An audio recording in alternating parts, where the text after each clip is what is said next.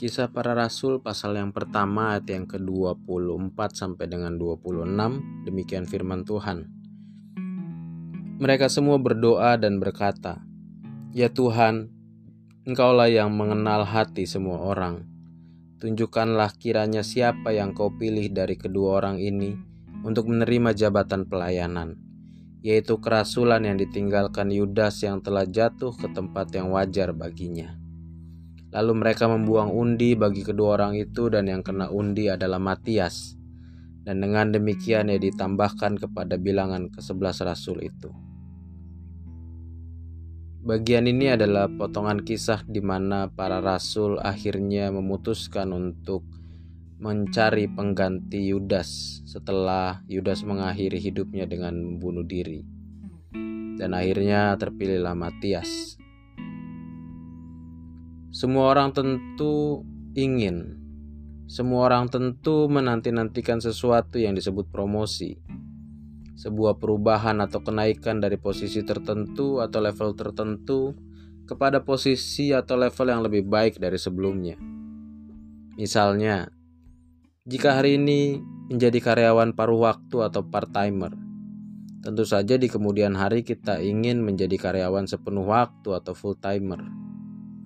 Jika hari ini kita menjadi bawahan, tentu saja di kemudian hari ada keinginan untuk menjadi seorang atasan atau pimpinan.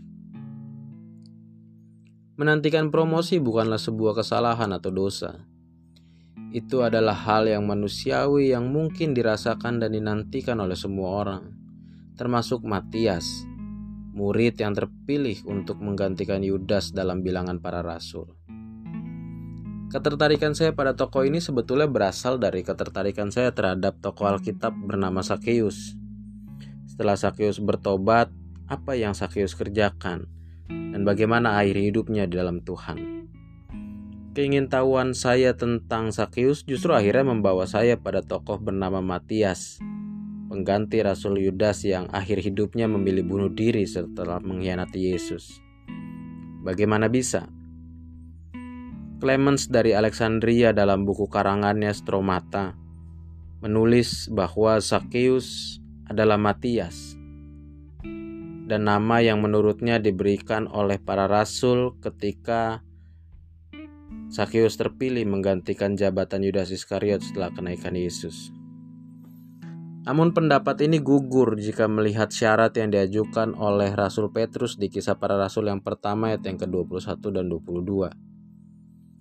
Jadi harus ditambahkan kepada kami seorang dari mereka yang senantiasa datang berkumpul dengan kami selama Tuhan Yesus bersama-sama dengan kami, yaitu mulai dari baptisan Yohanes sampai hari Yesus terangkat ke surga meninggalkan kami, untuk menjadi saksi dengan kami tentang kebangkitannya. Lalu jika Matias bukanlah Sakeus, siapakah Matias itu sendiri? Dan bagaimana ia bisa sampai pada posisi menjadi rasul menggantikan Yudas.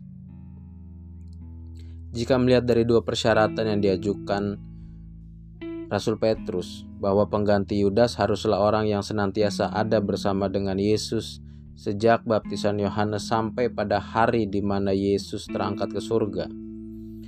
Maka ini membuat Eusebius mengambil kesimpulan bahwa Matias adalah salah satu dari ke-70 murid yang diutus Yesus dalam Lukas pasal yang ke-10. Apa artinya?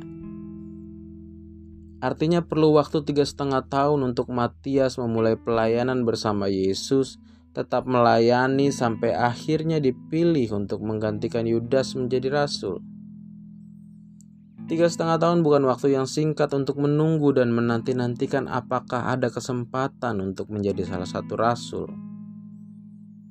Mungkin saja dalam menjalaninya Matias sempat berpikir, bener nggak sih saya ada di pelayanan ini?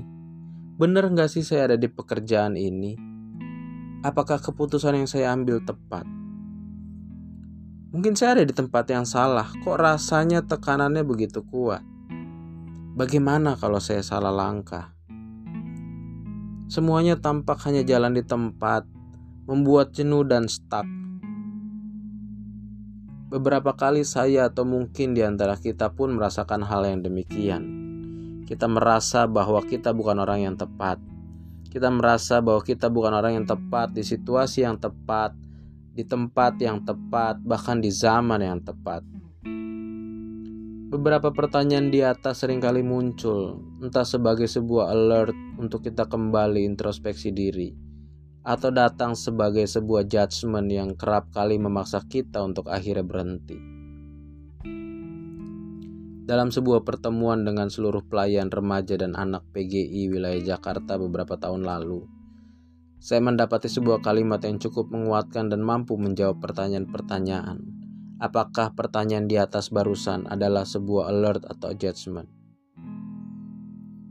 Tuhan tidak pernah salah memilih dan menempatkan orang pada zamannya. Yes, melihat jauh ke belakang di mana para tokoh-tokoh Alkitab dengan seluruh kisah mereka masing-masing, kita seharusnya menyadari dan meyakini bahwa Tuhan tidak pernah salah memilih dan menempatkan orang pada zamannya. Tuhan memakai Daud pada zamannya. Tuhan memakai Elia pada zamannya. Bahkan keputusan Tuhan untuk mendemisionerkan Musa dan mengangkat Yosua sebagai pengganti pun adalah keputusan yang tepat di zamannya. Bahkan sampai pada Matias yang akhirnya dipilih untuk menggantikan Yudas pun demikian. Tidak ada sedikit pun kesalahan Allah dalam penempatan orang di dalam seluruh rangkaian kisah terbesar yang pernah bumi ini miliki. Ketika kita menyadari hal ini, dalam situasi sesulit apa pun, dalam pekerjaan pelayanan kita, bahkan ketika semua terasa seperti hanya berjalan di tempat dan seolah-olah tampak seperti ada sesuatu yang salah, iman kita tidak menjadi goyah, tetap teguh dan tidak menyerah, karena kita menyadari dan meyakini sekali lagi bahwa Tuhan tidak pernah salah memilih dan menempatkan orang pada zamannya.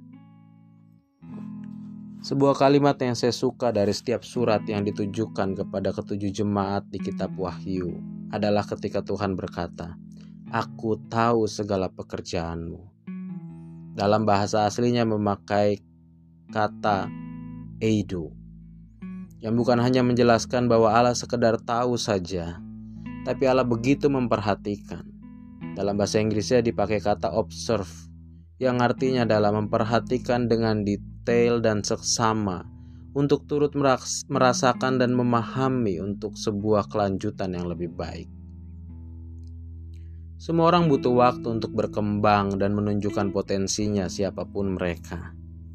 Maka dari itu gereja bertugas memberi mereka kesempatan dan kepercayaan.